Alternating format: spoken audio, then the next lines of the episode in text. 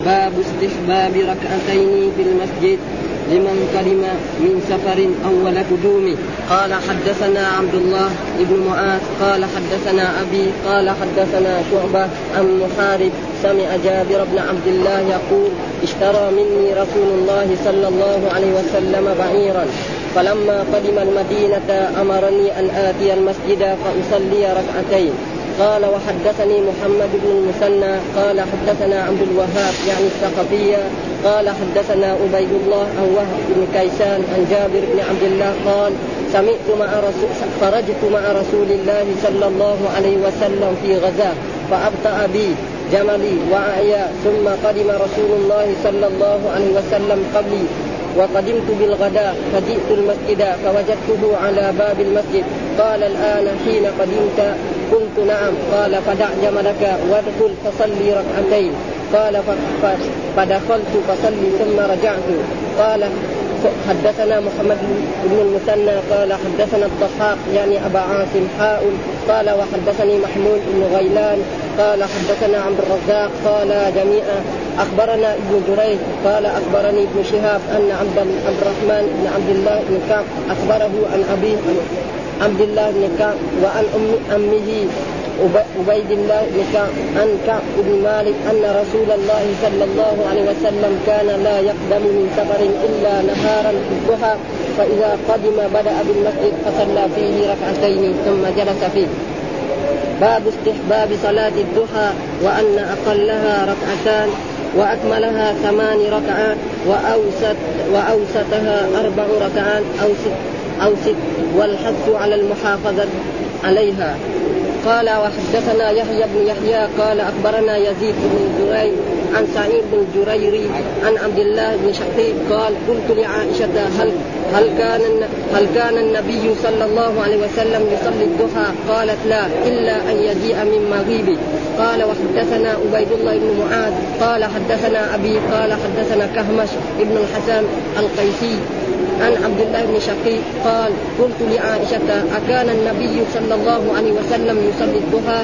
قالت لا إلا أن يجيء من مغيبه. قال حدثنا يحيى بن يحيى قال قرأت على مالك عن ابن شهاب عن أروة عن عائشة أنها قالت ما رأيت رسول الله صلى الله عليه وسلم يصلي صبحة الضحى قط وإني لأسبحها لأسبحها وإن كان رسول الله صلى الله عليه وسلم ليدع العمل وهو يحب أن يعمل به خشية أن يعمل به الناس فيفرض عليهم. قال حدثنا شيبان بن فروخ قال حدثنا عبد الوارث قال حدثنا يزيد يعني رشد قال حدث حدثتني معاذة أنها سألت عائشة رضي الله عنها كم كان رسول الله صلى الله عليه وسلم يصلي صلاة الضحى؟ قالت أربع ركعات ويزيد ما يشاء ما شاء. قال حدثنا محمد بن المثنى وابن بشار قال حدثنا محمد بن جعفر حدث قال حدثنا شعبة عن يزيد بهذا الإسناد مثله وقال يزيد يزيد ما شاء الله. قال وحدثني يحيى بن حبيب الحارثي قال حدثنا خالد بن حارث عن سعيد قال حدثنا قتادة أن معاذة العدوية قالت حدثه حدثته عن عائشة قالت كان رسول الله صلى الله عليه وسلم يصلي الضحى أربعا ويزيد ما شاء الله. قال حدث وحدثنا إسحاق بن إبراهيم وابن بشار جميعا عن معاذ بن هشام قال حدثني أبي عن قتادة بهذا الإسناد مثله. قال وحدثنا محمد بن المثنى وابن بشار قال حدثنا محمد بن جعفر قال حدثنا شعبة عن عمرو بن مرة عن عبد الرحمن بن أبي ليلى قال ما أخبرني أحد أنه رأى النبي صلى الله عليه وسلم يصلي الضحى إلا أم هاني فإنها حدثت أن النبي صلى الله عليه وسلم دخل بيتها يوم فتح مكة وصلى ثمانية ركعات ما رأيته صلى صلاة قد أخف منها غير أنه كان يتم الركوع والسجود والسجود ولم يذكر ابن بشار في حديثه قوله قال.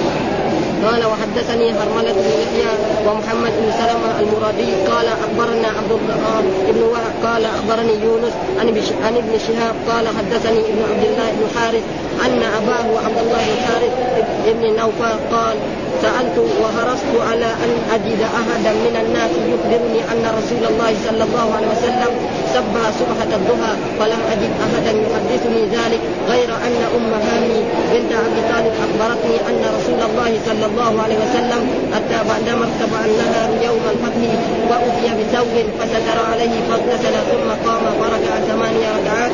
لا أدري أقيامه فيها أطول ام ركوعه أم سجوده كل ذلك؟ كل ذلك منه متقارب. قالت ولم اره سبهها قبل ولا بعد. قال المرادي عن يونس ولم يكن أخبرني. أعوذ بالله من الشيطان الرجيم. بسم الله الرحمن الرحيم. الحمد لله رب العالمين والصلاة والسلام على سيدنا ونبينا محمد وعلى آله وصحبه وسلم. قال الإمام الحافظ أبو الحسين مسلم بن الحجاج القشيري نوري رحمه الله تعالى والترجمة الذي ترجمها الإمام النووي باب استحباب ركعتين في المسجد لمن قدم من سفر أول قدومه. فهذه الأحاديث تفيد أنه يستحب للإنسان إذا قدم من سفر سواء كان سفر مثلا عمرة أو حجا. أو تجارة أو غير ذلك أو غزو أو غير ذلك ويستحب له قبل أن يصل إلى بيته يدخل المسجد الذي في بلده. نعم ويصلي ركعتين ثم يذهب إلى بيته. هذا الذي رسول الله صلى الله عليه وسلم كان إذا قدم من سفر من حج أو عمرة أو غزوة أول ما يبدأ به يدخل هذا المسجد ويصلي فيه ركعتين ثم يدخل إلى داره هكذا هذا هذا ويقول الله تعالى لقد كان لكم في رسول الله أسوة حسنة. ولكن هذه السنة حديثة. يعني الناس ما يفعل بعد ما يذهب إلى بيته بعدين يجي نعم ويدخل المسجد ويصلي تحية المسجد. ولكن يعني رأينا بما يفعل ذلك الشيخ من باز لما كان هنا في إذا بدأ من سفر أول ما يجي المسجد الشيخ الثاني ما بيفعل ها؟ يروح إلى البيت وبعدين يجي يأتي ويصلي تحية المسجد ويسلم على رسول الله صلى الله عليه وسلم وعلى صحبه. فيقول هذا باب استحباب الواحد. هذا لمن قدم من سفر. وهذا السفر قد يكون عمرة وقد يكون حجا وقد يكون سفرا مباحا. لكم ليه؟ لأن الرسول كان يفعل ذلك والرسول صلى الله عليه وسلم هو القدوة. إيش الدليل؟ قال حدثنا عبد الله بن معاذ قال حدثنا أبي حدثنا شعبة عن معاذ سمع جابر بن عبد الله يقول اشترى مني رسول الله صلى الله عليه وسلم بعيرا ولما قدم المدينة أمرني أن آتي المسجد وأصلي ركعتين. وقصة هذا البعير أن رسول الله صلى الله عليه وسلم كان في سفرة وكان الرسول راكبا على بعيره وعلى ناقته وكان كذلك جابر راكبا على بعيره وهذا البعير أعيا وكان لا يمشي أبدا حتى أراد أن يسيبه في البر ويتركه ويمشي راجلا. فلحقه رسول الله قال قال هذا البعير أتعمل وكذا وكذا واشتكى إليه. فضربه الرسول ضربا خفيفا ثم قال له أتبيع البعير؟ قال لا. ثم قال له بعنيه ها كمان مره ثانية قال له بعته بكم 40 درهم لكن اشترط فيه انه لا يسلمه للرسول حتى يصل إلى المدينة ويصل إلى اهله ثم ياتي بالبعير ويسلمه لرسول الله صلى الله عليه وسلم وقبل الرسول من ذلك ثم صار البعير يمشي مشيا طيبا حتى كان يسبق يعني ناقه رسول الله صلى الله عليه وسلم الذي لا تسبق فلما وصل الرسول وصل مبكرا ووصل في الغداء فلما وصل جاء اتى بالبعير إلى قرب المسجد واناخه هذا قال له الرسول نعم ادخل وصلي ركعتين هذا محل الشاهد ها ادخل فصلي إيه ركعتين فهذا المشروع ان الانسان اذا قدم من سفر اول ما يحدث في اي بلد كان مو يعني بس المدينة اي بلد من بلاد الاسلام اول يدخل المسجد ويصلي ركعتين ثم يذهب إلى اهله ولاولاده ولاهله هذا هو اذا كان اذا كان في المسجد تسكرين عندك مساكين خلاص ما يفتحوا كان في الظهر ما في شيء صحيح. أكثر المساجد تسكر. هذا أكثر المساجد يعني في الضحى مسروقه ما في مسجد مفتوح ابدا إلا المسجد المدينة والمسجد مكه ها ابدا. يمكن بين المغرب والعشاء يحصل. في جدة وفي كثير من البلدان ها ابدا. ها وهذا على وجه السنة. فاذا ما وجد ما في شيء يعني مستحب. أمرنا فصلى أمرني أن آتي المسجد فأصلي ركعتين. فهذا محل الشاهد. أي قد يقال ثم ذكر حدثنا محمد بن مسنى حدثنا عبد الواحد يعني الثقفي. حدثنا عبيد الله عن وهب بن كيسان عن جابر بن عبد الله قال خرجت مع رسول الله صلى الله عليه وسلم في غزاة غزاة وغزو كلهم. فابطا بي جملي لا يمشي اتعبني وأعيا. يعني تعب هذا الجمل ثم قدم رسول الله صلى الله عليه وسلم قبلي وقدم يعني بعد ما باعه لرسول الله صلى الله عليه وسلم اشترط أن يحمي أن هذا البعير لا يسلمه حتى يصل إلى أهله. هذا قبل منه الرسول صلى الله عليه وسلم وهذا الحديث يعني يكرر في صحيح البخاري وفي صحيح مسلم عدة مرات ومن تلك انه هناك شروط في البيع تجوز. وهناك شروط في البيع لا تجوز. وهذا من الشروط الذي إيه؟ جائزة في البيع. رجل يشتري آه سيارة مثلا ويقول أنا أجربها يوم أو يومين. أو اذهب بها إلى جدة مثل هذا وهذا كذلك مثل هذه الأشياء جائزه وهناك شروط لا تجوز في البيع يقول اشتري مني أنا أنا اشتري منك هذا. أنا أبيعك هذا انت بشرط تشتري مني. هذا لا يجوز. هذا لا يجوز. وهناك بيوع لا تجوز وسيأتي في إيه؟ هذا من الشروط أو مثلا يبيع بيت الان في عصر النهار يبيع بيت ويقول أنا ما اسلمك هذا البيت حتى تتم السنة أسكن في هذه السنة مجانا. وياخذ الفلوس حق البيت أو العمارة أو هذا ولا لا اسلمك إلا في سنة تتم يكون في أول 1412 في 1413 أسلمك إيه؟ جائز هذا الشيء. فهو يسكن مجانا سنة مثل هذه الشروط جائز. أما ابيعك هذا على أن تشتري من هذا فهذا لا يجوز وسيأتي بها وقدمت ذا بالغداة، الغداة معناها الفجر يعني نعم. فجئت المسجد فوجدت على بابي قال الآن حين قدمت قلت نعم. قال ها فدع جملك وادخل فصلي يعني يدع جمله خارج إيه؟ ما يجوز. الجوار في إيه؟ داخل وصلي فصلي ركعتين. وهذا صلي الأمر على وجه الندب والاستحباب. صلي. ها؟ على وجه الند ليس على وجه قال فدخلت فصليت ثم رجعت. ثم أعطى أمر بلال ان يعطيه إيه؟ الدراهم حقه. وقال يزده وهذا فيه دليل على أن الإنسان إذا اشترى من انسان مبلغ من البضاعة وزاد مثلا شوية فلا بأس بذلك. ولذلك ياتي في أحاديث مرت علينا أن الزيادة هذه كانت فائضة فيها بركة حتى جلس الطعام سنين ها؟ وهذه من بركة رسول الله صلى الله عليه وسلم. و ثم قال حدثنا كذلك محمد بن مسنى حدثنا الضحاك يعني عاصم حول الإسناد أو حا وحدثني محمد بن غيلان حدثنا عبد الرزاق قال جميعا أخبرنا ابن جريج قال اخبرني ابن شهاب أن عبد الرحمن بن عبد الله بن كعب أخبره عن أبي عبد الله بن كعب عن عمه عبيد الله بن كعب عن كعب بن مالك كلهم دول أنصار. ها؟ أن كان لا يقتل من سفر إلا نهارا. وهذا كذلك ما يشرع الإنسان أنه إذا أراد يقتل من سفر يقتل نهارا عشان لا يخون أهله. ها مثلا من فلذلك جاء في أحاديث لا يترك الرجل أهله. إيش معنى الطرق؟ أن يأتي ليلا مثال في ذلك عشان نقرب هذا المعنى. رجل يكون مسافر. وزوجته مثلا ما تدري. نعم. اولا لم. لا تتنشط لأن زوجها ما في حتى تتنشط وتتحسن. يكون في تلك الليلة تكون إيه نام عندها أبوها. فهذا غرض من الأغراض. مع مريضة هي.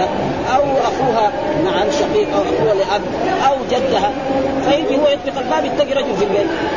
قد يصير حمام يأخذ يروح بالسيف يظن رجل اجنبي وهو اما لما يجي النهار فتح الباب يشوف هذا مين أخوها عمها خالها.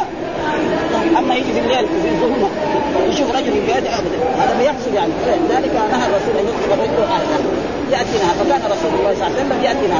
أما مثل العصر الان هذا ذهب إلى الحج والآن يعني عارفين مثلا الحجاج المستعجلين إنه يجي يوم 13 ها اليوم 12 ما في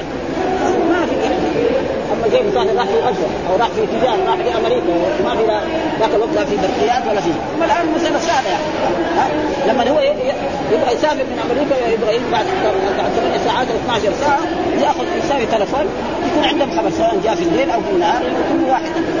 وأما هذاك في السابق فلذلك يعني نهارا وكذلك في الضحى ولذلك كان الرسول دائما يدخل. فإذا قدم بدأ بالمسجد وهذا محل الشهر أول شيء يبدا به المسجد فصلى فيه ركعتين. وهذه الركعتين لا تسمى تحية المسجد.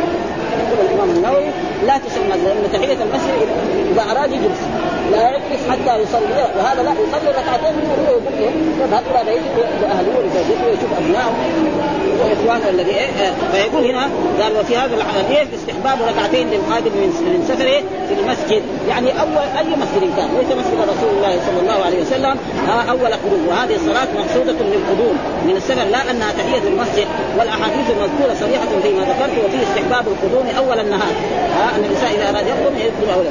وفيه يستحب للرجل الكبير في المرتبة ومن يقصده الناس إذا قدم من سفر للسلام عليه أن يقعد أول قدومه قريبا من داره يعني الانسان اذا قدم وهو شخصية ها رسول الله صلى الله عليه وسلم. الناس لما يقدم من سفر يبقى يسلم عليه. الأمراء الحكام نعم الناس الكبار. نعم ما لا يكون يدخل في بيته بعيد. إما يقعد في المسجد أو في محل قريب من ذلك. يسوي إيه؟ محل سيوان زي ما يقول في عصرنا الآن. ويصير جالس هناك فالناس يجوا يسلموا عليه ويهنئوه بالكل ولذلك كان رسول الله صلى الله عليه وسلم إذا قدم أول ما يقف المسجد فإذا صلى في المسجد ركعتين الناس كلهم يجوا المسجد ويسلموا عليه وكذلك الأمراء وكذلك الحكام وكذلك الوزراء كان هذا كان هو الحمد. أو في موضع بارز سهل على زائريه إما المسجد وإما غيره. فالرسول قال في المسجد وغيره الآن يجعل له سرادق أو يجعل له محل. يعني مثل الأمراء يعني له مجلس كبير يجلس فيه فالناس يسلمون عليه.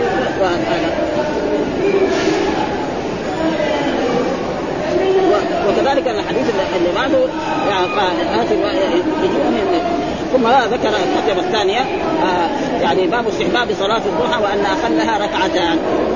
يعني انتهى من هذا الحديث وهو باب استحباب صلاة الضحى.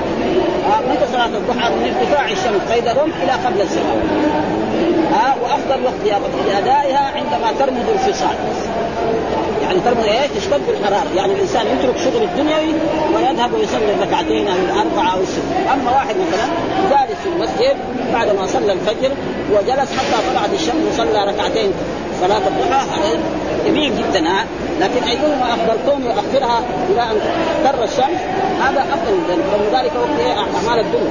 آه رجل بياع بائع مشتري تاجر موظف يروح يعمل. ويترك العمل هذا الذي إيه؟ ما هو يعني ما هو واجب عليه. يعني مثلا مباح يعني عمل خاص. فهذا تقريبا هو وأن أقلها ركعتان. أن اقلها يعني صلاة الضحى ركعتان. يعني ركعة واحدة ما يصير وأكملها ثمان ركعات ها؟ وهنا يعني لازم إيه؟ وأكملها هذا انه وأن أكملها معطوف على اسم ان ها؟ ثمانية ركعات ثمان ركعات. وأوسطها وأن أوسطها يعني عشان إيه؟ ننتبه لإيه؟ ها؟ أربع ركعات. هذا الخبر هذا خبر ان أو ست. يعني أو ست إيه؟ ركعات. هذا معنى يعني أن أقلها أقل صلاة الضحى ركعتان وأكملها ثمانية ركعات. يعني أن أكملها ثمان ركعات وأوسطها وأن أوسطها أربع ركعات. أو ست أو ست أو ست ركعات كمان هو ها والحث وباب الحث على الحث يعني بكسر الثاء. عشان إيه؟ وباب إيه؟ الحث على المحافظة عليها. ها يشرع المسلم أن يحافظ عليها لأن الرسول كان يصليها وعائشة كانت تقول أن ما رأت الرسول يصليها وكان يعني أبو هريرة اوصاه رسول الله صلى الله عليه وسلم بثلاث أشياء. نعم أن لا يترك صلاة الضحى أو أن يوتر قبل ان أن ينام وأن يصوم من كل شهر ثلاثة أيام. ولذلك هنا الأحاديث قالت عائشة سئلت وقالت هي ما رأت الرسول يصلي. إلا إذا قدم من سفر كان يدخل المسجد ويصلي. وبعد ذلك روت أحاديث أن الرسول هي ما كان ما رأت الرسول يصليها وهي كانت تصلي. وجاء روت الإمام مسلم روى أحاديث أنها كانت هي إيه؟ روت أن رسول الله كان يصلي. فإيش الجمع بين ذلك؟ الجمع بين ذلك هي ما كانت تعلم. ثم بعد ذلك تعلم يعني علمت إيه؟ من أحد أزواج الرسول أو من أحد الصحابة. أن هي قالت أن ما رأت الرسول يصلي صلاه خلاص هذا علم. بعدين بلغها ان الرسول كان يصلي فأخبرت بهذا. فيصير الاحاديث كلها إيه؟ مع بعض. ما في تناقض. ها؟ ابدا. فهذا معناه وأن إيه؟ من السنة ومن المشروع ومن المستحب أن الإنسان يصلي الكتاب وجاء باحاديث يعني يأتي بحديث يقول السلام من الناس. السلام كل يوم تطلع فيه الشمس عن صدقه أمر بالمعروف ويجزي عن ذلك ركعة الضحى. طيب إيش الدليل على ذلك؟ هذه الأحاديث الذي ساقها الإمام مسلم. قال حدثنا يحيى بن يحيى أخبرنا يزيد بن زريع عن سعيد الجريري عن سعيد الجريري عن عبد الله بن شقيق. قال قلت لعائشة هل كان النبي صلى الله عليه وسلم يصلي الضحى؟ قالت لا. هذا ما تعرف هذا لأن والسبب في ذلك يقول الشارع يمكن أن الرسول مثلا في الضحى وقت يعني ترتفع الشمس ما يكون عندها في البيت. ثم هي كل بعد تسع ليالي أو أيام لها يوم. والرسول عنده تسع زوجات. يجيها السيره متى؟ بعد ثمانية أيام ولا يلزم من ذلك أن الرجل إذا جاء إلى زوجته التي عندها الليلة يقعد عندها 24 ساعة. لا. ثم الرسول لا يجب عليه إيه؟ القسم. يعني لا يجب على رسول الله صلى الله عليه وسلم أن يقسم بين النساء. ما هو لكن هو كان يقسم. ها؟ وقال إلا إن يجيء من مغيبه إذا قدم من مغيبه يعني كان مسافرا في عمرة أو في حج أو في غزوة أول ما يدخل المسجد ويصلي ركعتين ثم يذهب إلى داره. فهي اخبرت بالشيء الذي فعل. ثم بعد ذلك ذكرت أحاديث أن الرسول ما هي ما كان يصليها وهي كانت تصلي. وحدثنا عبيد الله بن معاذ حدثنا أبي حدثنا كهمس بن الحسن القيسي عن عبد الله بن شقيق قال قلت لعائشة كان النبي صلى الله عليه وسلم يصلي الضحى؟ قالت لا. هذه حديثين إلا أن يجيء من مغيبه. يعني حديثين أثبت أن الرسول ما كان يصلي. ثم بعد ذلك أحاديث أثبت أن الرسول كان يصلي. فما هو الجمع بين ذلك؟ الجمع بين ذلك هي كانت لا تعلم أن رسول الله صلى الله عليه وسلم كان يصليها. ثم علمت ذلك إما من أحد أزواج النبي صلى الله عليه وسلم ومن أحد أصحاب رسول الله أو من أبيها أو من أمها أو من غير ذلك. فأخبرت بذلك فالاحاديث كلها صحيحة وهي كانت تقول الرسول ما كان يصلي وهي كانت تصلي. وحدثنا يا قال قرأت على مالك عن ابن شهاب عن عروة عن عائشة أنها قالت ما رأيت رسول يصلي سبحه الضحى.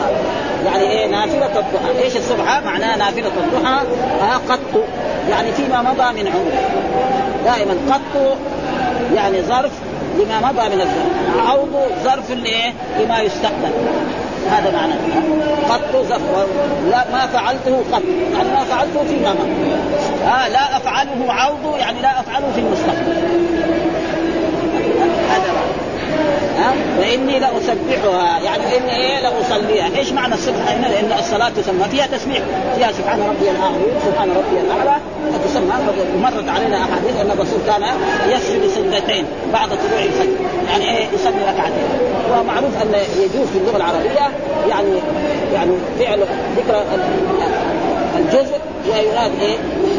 الكل وهذا موجود في اللغة العربية مثلا يعني يقول مثلا أفعال المقاربة في اللغة العربية.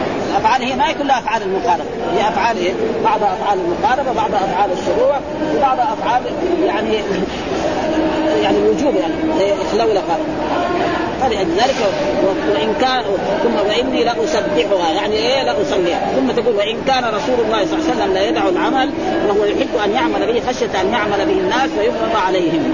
وهذه إن إن مخفف من السقف كان إن. إن. ثم إن المكسور الهمزة إذا خفضت الغالب فيها الإهمال. وأن تدخل على فعل ناسخ. يعني هذا لا إن وأن عندنا. عندنا في إن لا تنصب المبتدا وترفعه.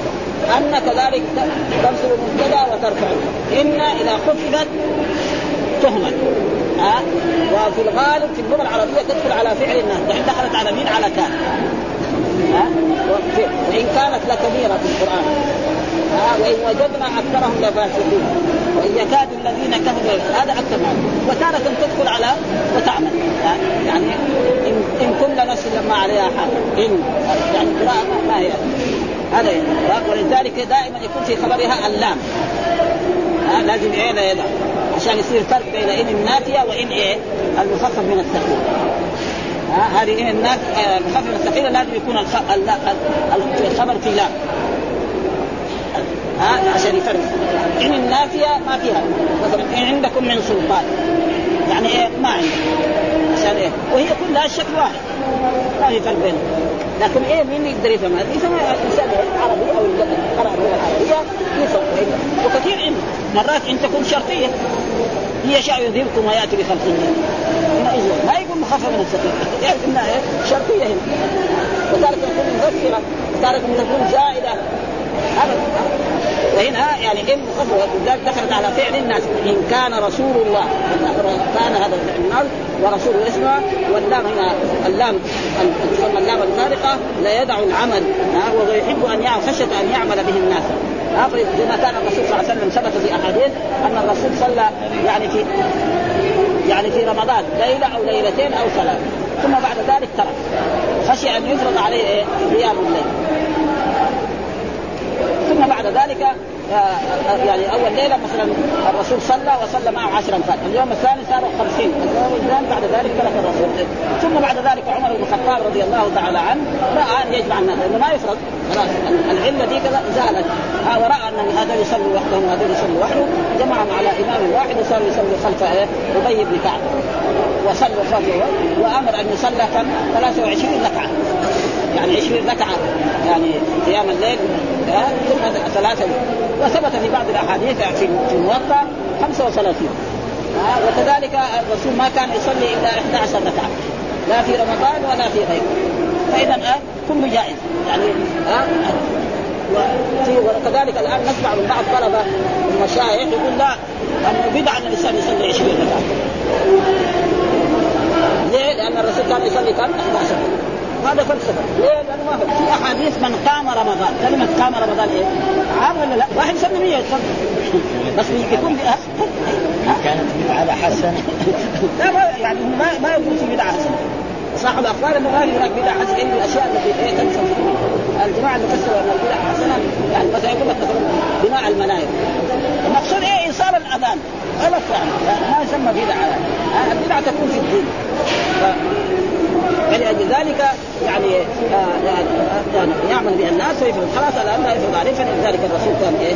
يعني ما كان يلزمها عشان لا تفرض على الناس ثم ذكر كذلك حدثنا شيبان بن فروخ حدثنا عبد الوارث حدثنا يزيد آه يعني الرشد بكسر الراء يقول حدثني معاذة أنها سألت عائشة وهذه معاذة كانت كالتلميذة لعائشة رضي الله تعالى عنها أم المؤمنين زوج النبي صلى الله عليه وسلم عنها كم كان رسول الله يصلي صلاة الضحى؟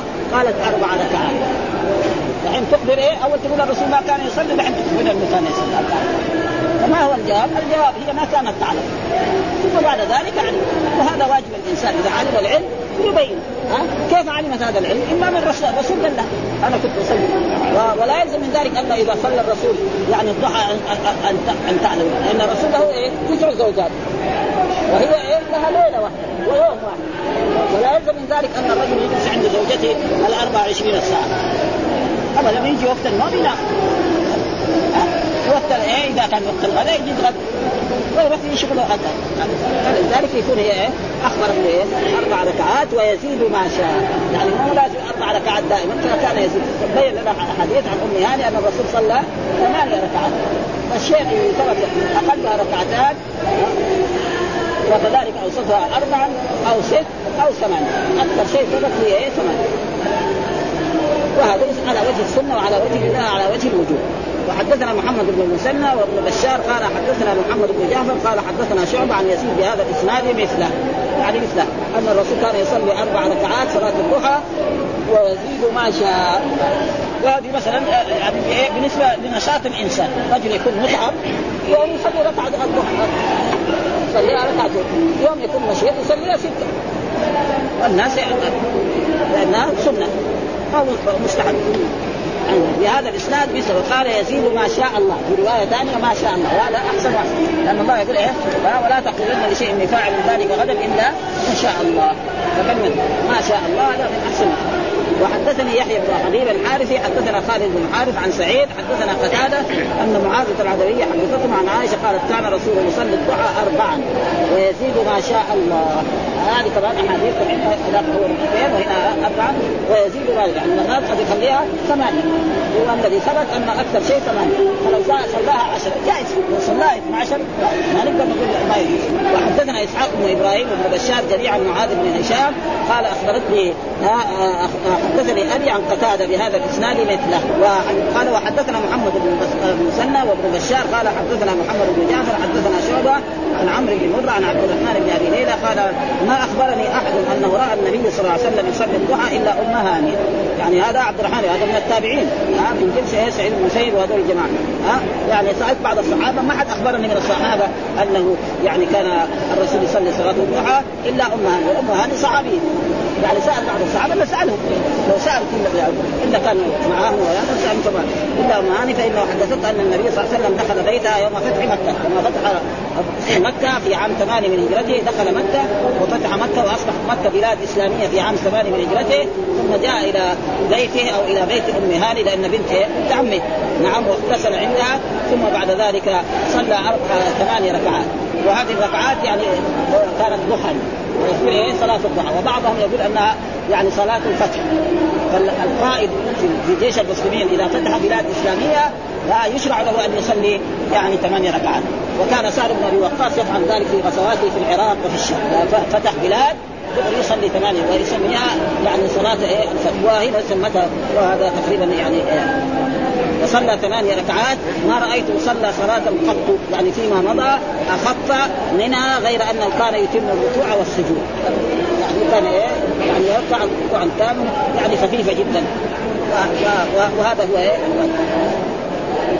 ولم يذكر ابن الشارع حديثه قوله قط. يعني حتى كلمة قط يعني لا تزيد في الحديث شيء ولا تنقص ولكن مع ذلك يعني إيه المحدثون يرووا الشيء الذي سمعوه من الشارع.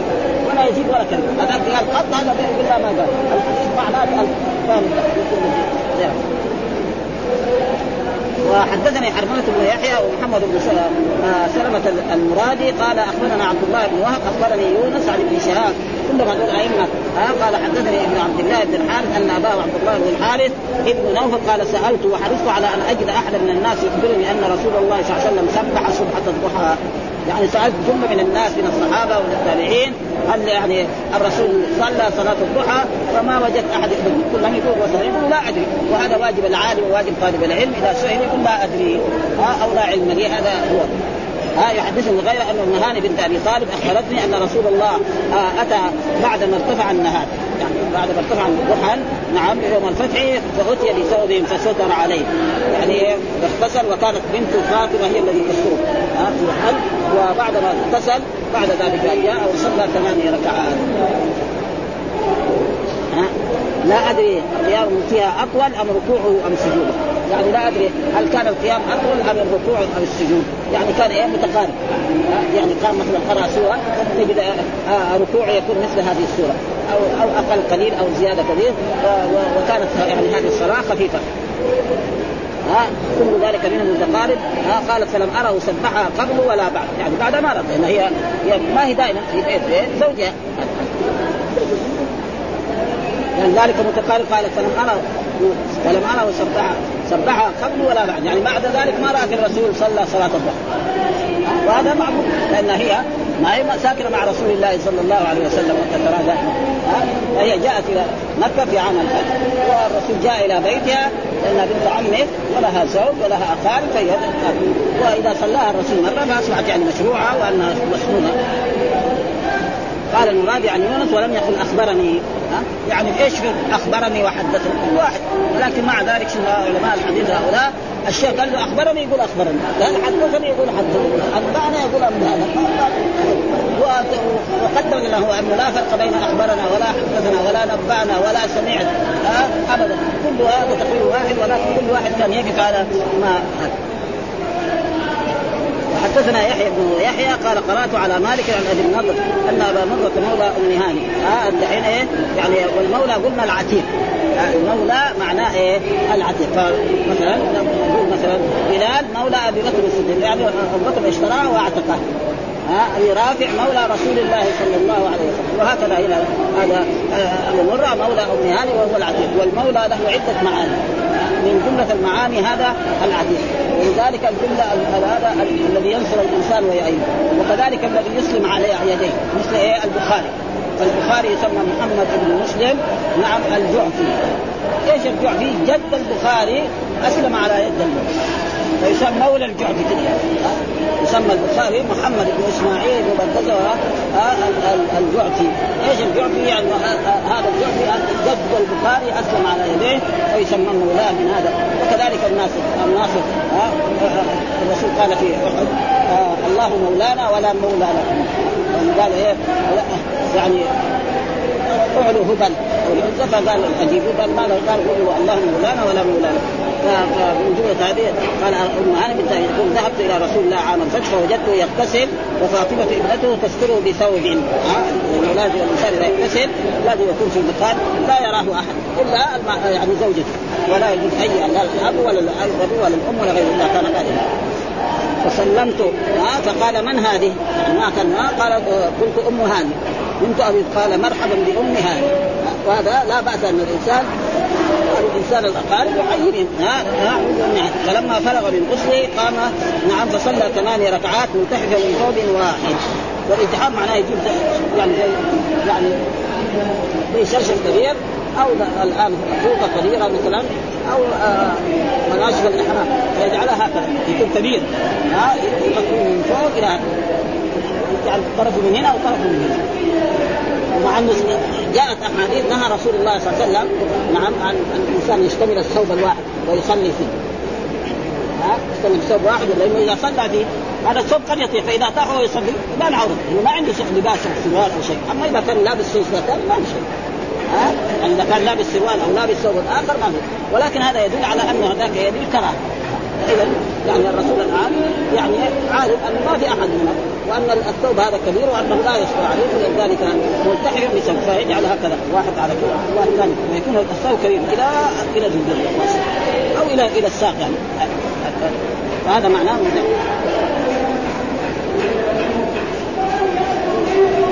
قام فصلى تماما منتعبا في ثوب واحد فلما انصرف قلت يا رسول الله زعم ابن أمي ها؟ زعم ابن امي منه علي بن أبي طالب. وهو إيه؟ علي بن أبي طالب هذا أخوها شقيق. ومع ذلك ليه؟ لأن الإنسان لما يقول هذا أخي من الأم في إيه؟ يعني قرب أكثر مما يقول هذا أخي شقيق. ها مثل ما قال موسى عليه السلام ها يعني لهارون يا ابن أم. مع إنه هارون مع موسى أشقاء. ومع ذلك هذا ابن ام وإلا علي بن أبي طالب إنه قاتل رجلا أجرته. يعني رجل من أحمائها. والأحماء أقارب زوج المرأة. إيش ولذلك الأسماء الخمسة يقول أبوه وأخوه وحموه. إيش الحمو؟ فنقول إيه حموها؟ يقول جاء حموها. ورأيت حماها ومررت بحماها. يعني إيه؟ جاء أقارب زوج هذه المرأة. هذا معنى. الحمو أقارب ولذلك جاء في الأحاديث الصحيحة عن رسول الله صلى الله عليه وسلم إياكم الدخول على النساء. فقالوا يا رسول الله أرأيت الحمو؟ قال الحمو الموت. إياكم الدخول على النساء. يعني لا تدخل على النساء الأجانب. انت أيها الرجل لا تدخل على امراه اجنبيه في بيتها أو في مكان لا. فقال فقال الحمل قال الحمل الموت. لأنه هذا الحمل معناه يعني الرجل مثلا إذا كان متزوج مرأة نعم وهذه المرأة في بيتها فإذا جاء أخوه دخل إلى بيته. وهو ما هو موجود. ما حد يمكن يعني لو في شارع أنا داخل البيت إيه؟ أخوه. ما حد يمكن وإذا صار فساد يفعل هذا الفساد سنين. ما حد يفعل لا الزوج ولا غيره من الاقارب أما لو كان بيت أجنبية ما يقدر يدخل. يدور فرص يدخل في أوقات ما في أحد. فلذلك الرسول ولذلك الرسول. حذر من ذلك قال رايت الحمد قال الحمل الموت يعني الهلاك. يعني قد يحصل فساد عظيم في ذلك. والناس يتساهلوا في هذه الأشياء كثيرا خصوصا في بعض البلاد. ولكن هذا هو ولذلك الرسول نهى ان الرجل يسافر مع يعني المرأة تسافر إلا مع المحرم وأنه لا يختلي رجل بامراه إلا كان الشيطان ذلك ولكن الناس ولذلك انه قاتل رجل أجرته فلان بن هديرة. وهذا الفلان وفي رواية الرجلين. أحدهما اسمه إيه؟ الحارث بن هشام المخزومي. يعني هذول أقارب. وقال الآخر هو عبد الله بن أبي ربيعة. يعني في رواية أنه واحد وفي رواية أنه قتل فلان بن هديرة فقال رسول الله صلى الله عليه وسلم قد أجرنا من أجرت يا أمها. وجاء في الأحاديث عن رسول الله صلى الله عليه وسلم أن المسلمون يعني أبو أقل واحد فيهم قد يجي الإنسان ويؤخذ منه. قد اجرنا من اجرت يا امها قالت أم هاني وذلك ضحى. وهذا محل الشاهد. وذلك إيه؟ ضحى. عشان يثبت أنه إيه؟ أن الصلاة هذه التي صلاها رسول الله صلى الله عليه وسلم كانت في الضحى وأنها مشروعة وأن الرسول كان يفعلها وأصحاب رسول الله صلى الله عليه وسلم. وسياتي الحديث بعد ذلك أن رسول الله صلى الله عليه وسلم أوصى أبا هريرة يعني أوصى هريرة أنه لا يدع ثلاثة اشياء أن يصوم من كل شهر ثلاثة أيام وان وأن لا ينام يعني أن يوتر قبل أن ينام وأن يصلي كذلك صلاة الضحى. وقال كذلك حدثنا حجاج بن الشاعر وحدثنا يعلى بن أسد وحدثنا وهيب بن خالد عن جعفر بن محمد عن أبيه عن أبي مرة مولى عقيل عن أم هاني. وعقيل يعني كان هو عقيل يعني الذي هو اخ لعلي بن أبي طالب. أن رسول الله صلى في بيتها عام الفتح ثمانية ركعات. صلى في بيتها ثمانية. في ثوب واحد قد خالف بين طرفيها. هذا فكل هذه الأحاديث عشان تثبت أن صلاة الضحى مشروعة وانها الرسول كان يصليها وأصحاب رسول الله كانوا يصليها. و...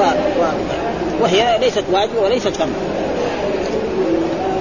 فحدثنا عبد الله بن محمد بن أسماء الضبعي حدثنا مهدي بن له بن ميمون حدثنا واصل مولى أبي عن يحيى بن عقيل عن يحيى بن يعمر عن أبي الاسود الدؤري عن أبي ذر. عن النبي صلى الله عليه وسلم قال أنه يصبح على كل سلامة من أحدكم صدقة. ها؟ فكل تسبيحة صدقة وكل تحميلة صدقة وكل تهليلة صدقة وكل تكبيرة صدقة وأمر بالمعروف صدقة ونهي عن المنكر صدقة ويجزي من ذلك ركعتا أن يرفعهما ها من الضحى. وهذا الحديث كذلك يعني موجود في البخاري وفي مسلم وفي كل كتب السنة. عن أبي ذر وهو ابي ذر الغفاري قال يصبح على كل سلامة، إيش السلامة؟ المفصل كل إنسان في المفاصل اللي فيه 360 مفصلا هذه هذا عند المفصل هذا كذا هذا كذا والرجول يعني واحد يعني واحد هذه البقادم الحيوان. العنز ها؟ العنز يعني يشوف فيها عظام عجيبة يعني.